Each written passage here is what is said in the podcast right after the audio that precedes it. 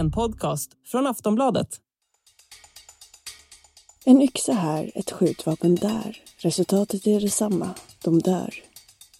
Ja, det är ett citat från den ryska affärsmannen German Gorbansov som lever i exil i Storbritannien. Det han syftar på är att en rad ryska oligarker har dött det här året. Dödsfall som är omgärdade av mycket mystik. Gorbansov själv utsattes för ett mordförsök i London 2012, men överlevde. 55-year-old Sergei Protosenya and his wife and daughter found dead in their home in Spain Tuesday. And Vladislav Aveyev, a 51-year-old former VP at Gazprom Bank, and his wife and daughter found dead in their Moscow apartment Monday. Russia's state news agency says Moscow police are investigating the deaths of Aveyev and his family as a murder suicide. Avskedsbrev, hela döda familjer, paddgift och en blodig pool uppges vara komponenter i de ryska dödsfallen. Flera av de döda ryska oligarkerna hade kopplingar till energijätten Gazprom och fallen har väckt spekulationer kring om det rör sig om mord maskerade till självmord. Så vad vet vi om de mystiska dödsfallen? Vad hade dödsoffren för relationer med den ryske presidenten Vladimir Putin? Och vad har egentligen hänt med de ryska oligarkerna efter att sanktionerna infördes mot dem? Detta ska jag, Ronja de Boer, försöka reda ut i dagens avsnitt av Aftonbladet Daily tillsammans med Elmer Rikner, reporter på Aftonbladet. Hej Elmer och välkommen till Aftonbladet Daily. Ja men hej Ronja, kul att vara här. Tack så mycket. Ja, flera ryska oligarker har dött under mystiska omständigheter i år. Vad vet vi om deras dödsfall? Ja men det handlar om ganska många olika ryska oligarker och generellt sett kan man väl säga att det är eh, rika, inflytelserika män i eh, medelåldern eh, i stort sett. Och ja men som sagt, det, vi kan ju börja med eh, bara för liksom ett litet tag sedan här, bara några veckor sedan, så var ju liksom det senaste dödsfallet av de här eh, många dödsfallen som har varit i år och det var eh, på en person som heter Jurij Voronov som eh Eh, som blev eh, mördad. Han hittades i sin eh, pool liggandes i vattnet.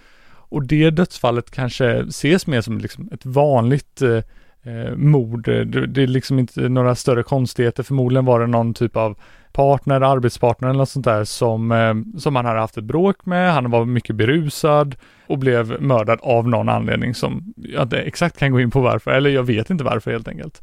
Men det finns mycket, mycket mer mystik om man kollar mer på vilka det är som har blivit dödade. För att kollar man på där Voronov bodde så bodde han i en väldigt, väldigt lyxig förort till eh, Sankt Petersburg som, eh, ja, i eh, västra Ryssland. Och i just den förorten så har två andra personer också eh, dött, stora ryska oligarker. Vi har Alexander eh, Tyalakov och vi har Leonard Schulman som båda har eh, blivit dödade. Och det som är lite speciellt med vissa av de här eh, dödsfallen det är till exempel eh, Tyilakov som eh, hittades hängd. Eh, den officiella förklaringen blev att det var självmord. Men man kan också se på hans kropp att han har blivit slagen innan. Och det här är också en genomgående förklaring på flera ställen att många har tagit eh, sitt liv. Att det har varit eh, självmord som varit den officiella förklaringen. Men det finns också mycket mys mystik kring det för att Ja men vi kan kolla på en annan här till exempel. Det har varit mycket familjedraman till exempel där vi har eh, Vladislav Avajev som eh, hittades eh, tillsammans med sin fru och sin 13 år gamla dotter eh, död. Eh, och förklaringen eh, ska ha varit att eh, Avajev ska ha dödat sin fru för att hon skulle ha varit otrogen med eh, familjens chaufför och så vidare. Eh, men eh, det finns många saker som tyder på att det här är inte sant. Det finns flera familjedraman bara dagar senare, fast nere i Spanien eh, så hittades Sergej Protosenja död tillsammans med sin familj. Och där var också så att han eh, dödade sin familj och sen hängde sig själv. Men liksom där så finns det, finns det många misstankar om att det som har skett kanske egentligen inte är det som har skett, utan att de har helt enkelt varit offer för någon annan. Eh, exakt vad som har hänt, det, det är väldigt oklart fortfarande, men det finns många misstankar. Det finns till exempel Jevgenij Palant som är som hittades ihjälhuggen naken också tillsammans med sin familj hemma hos sig. Och det där var det inte han då som skulle ha dödat sin fru, utan frun som skulle ha dödat honom för att eh, det ska ha varit, eh, ja, för att han skulle då ha lämnat henne. Men det finns, bland annat deras bästa vän har gått ut och sagt att nej, det här, det finns ingen sanning i det här överhuvudtaget. Utan det finns en otrolig eh, mystik kring de här dödsfallen som man egentligen inte riktigt vet om. Och det som också kan vara intressant i det här sammanhanget är att många av de här oligarkerna har haft en koppling till det ryska oljebolaget Gazprom. Och det, eh, de har, det är inte att alla har varit direkt involverade med Gazprom, men de har haft företag som har haft stora samarbeten med Gazprom. De har också haft, eh, det är flera som har jobbat inom Gazprom och liksom varit på något sätt chefer och haft höga positioner där. Det har också varit flera som har varit eh, anställda inom eh, Kreml och haft eh, till exempel ansvar för, för många delar liksom som är liksom säkerhets och ekonomiska frågor inom både företaget Gazprom och och i Kreml så att liksom haft otroligt mycket eh, värdefull information kan man säga. Och finns det liksom, eh, råder det utredningar av de här dödsfallen då just nu? Eh, just nu har jag ingen koll på om det reds ut liksom något dödsfall just nu, men det har retts ut många dödsfall och, och, som jag var inne på förut så är det många som har liksom haft förklaringarna om att det har varit ett självmord helt enkelt. Att det är det som varit den officiella förklaringen eller som det varit på de här andra ställena då att eh, det är frun som har dödat sin man eller mannen som dödat sin fru och sen dödat sin familj. Det har varit en tragedi helt enkelt. Eh, så att det liksom har varit många olika förklaringar eh, som är också den officiella förklaringen. Eh, men det finns ju då många misstankar om att den här förklaringen inte egentligen är den rätta. Aftonbladet Daily är strax tillbaka. Want flexibility? Take yoga. Want flexibility with your health insurance? Check out United Healthcare Insurance Plans. Underwritten by Golden Rule Insurance Company, they offer flexible, budget friendly medical, dental, and vision coverage that may be right for you. More at uh1.com.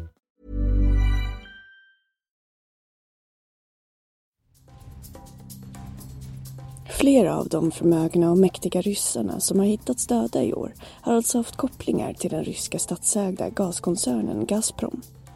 Men vad vet vi egentligen om de döda oligarkernas förhållande till den ryske presidenten Vladimir Putin? Vi hör Elmer Rikner igen. Oligarkerna i Ryssland har ju en väldigt, väldigt stor makt och ryska oljebolaget Gazprom som många har connections till är ju också Eh, Eh, en stor maktfaktor i landet. Men sen så är det ju då, som jag sa förut, att eh, eh, många som har varit anställda inom Kreml med liksom höga positioner med som besitter väldigt, väldigt eh, viktig eh, information. Vi kan också kolla på eh, Andrei eh, Krukowski, Andrei Krukowski som eh, hittades död utanför en skidort som han äger inte långt från Sochi, den, eh, den gamla OS-orten, eh, där han eh, ja, helt enkelt föll ner från en eh, klippa.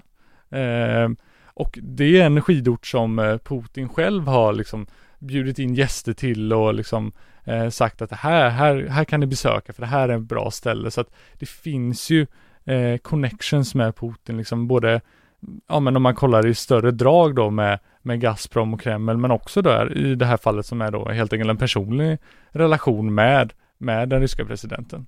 Har det skett något liknande tidigare år? Ja, det här är ingen ny företeelse egentligen, även om det har skett många, många dödsfall sedan årets början, eh, så gjorde till exempel USA Today en undersökning 2017 där det visade att eh, 38 oligarker hade dött eh, under mystiska omständigheter under en eh, treårsperiod mellan 2014 och 2017. Och eh, det ska också sägas att tio av de här, eh, nu var, nu var förklaringen lite olika eh, till just de här dödsfallen. Eh, vissa säger att det var naturliga orsaker, vissa mm, olika typer av mord eller överfall och så vidare. Eh, men det var eh, oligarker, det var diplomater, militärer, eh, politiker, men tio av de här eh, ska också ha varit stora Putin-kritiker.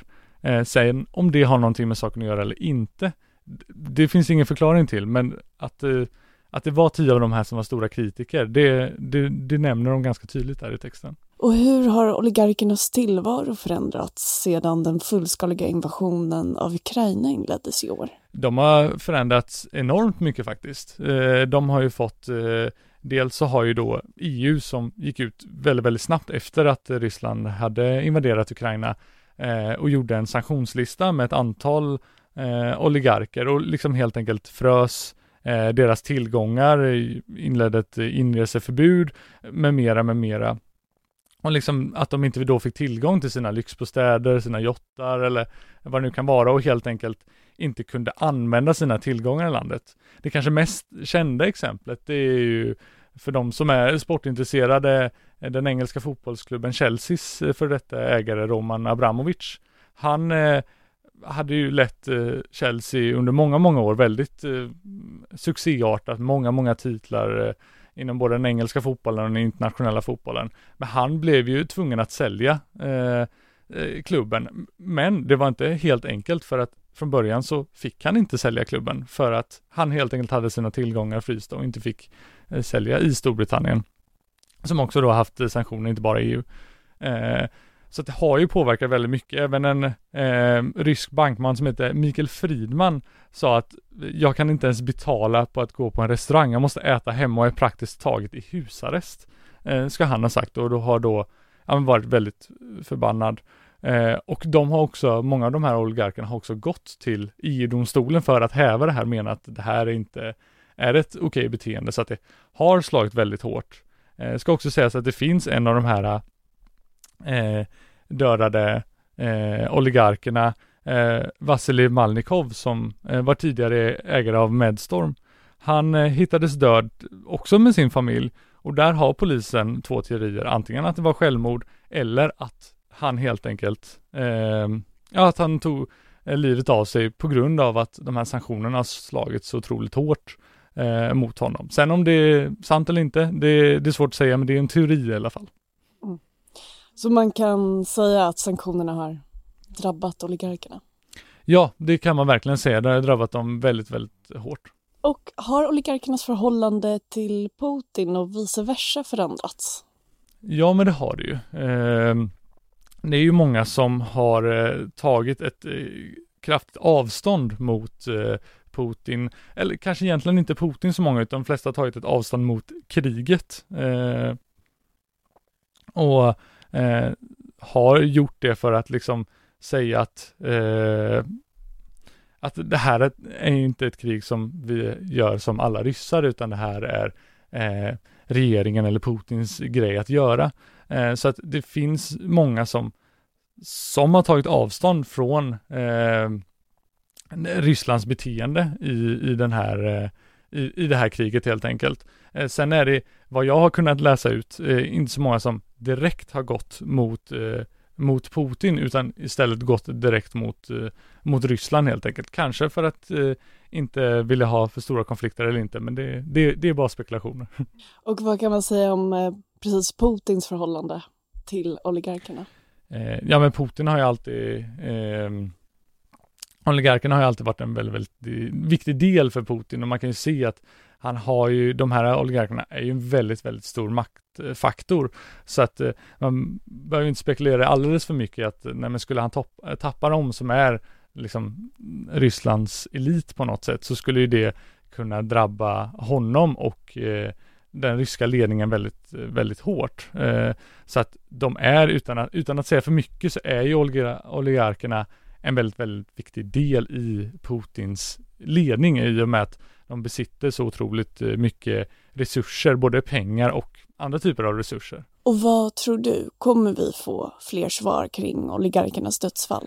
Jag tror att om det här är en skräckfilm så har vi nog inte sett eh, halva än. Jag tror att det kommer pågå eh, länge till att vi kommer få se många mystiska dödsfall och som sagt, det är helt enkelt spekulationer för att i nuläget så går det inte att göra annat än att spekulera i det här. Jag tror inte att vi har sett slutet och jag tror inte att eh, vi kommer få, svara, få svar på allt. Det är möjligt att vi får svar på något enstaka om, om något väldigt speciellt skulle hända, men jag tror att det är ganska osannolikt. Intervjuad i dagens avsnitt av Aftonbladet Daily var Elmer Rikner, reporter på Aftonbladet. Mitt namn är Ronja de Bor. Vi hörs.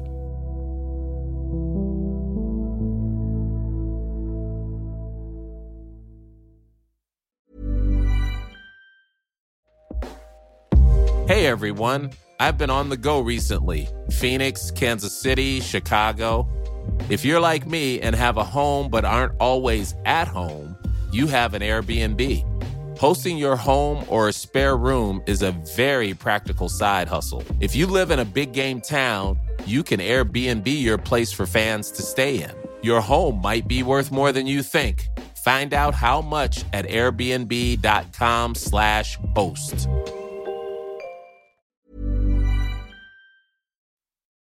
Du har lyssnat på en podcast från Aftonbladet. Ansvarig utgivare är Lena K Samuelsson. Tired of ads barging into your favorite news podcasts? Good news. Ad-free listening is available on Amazon Music for all the music plus top podcasts included with your Prime membership.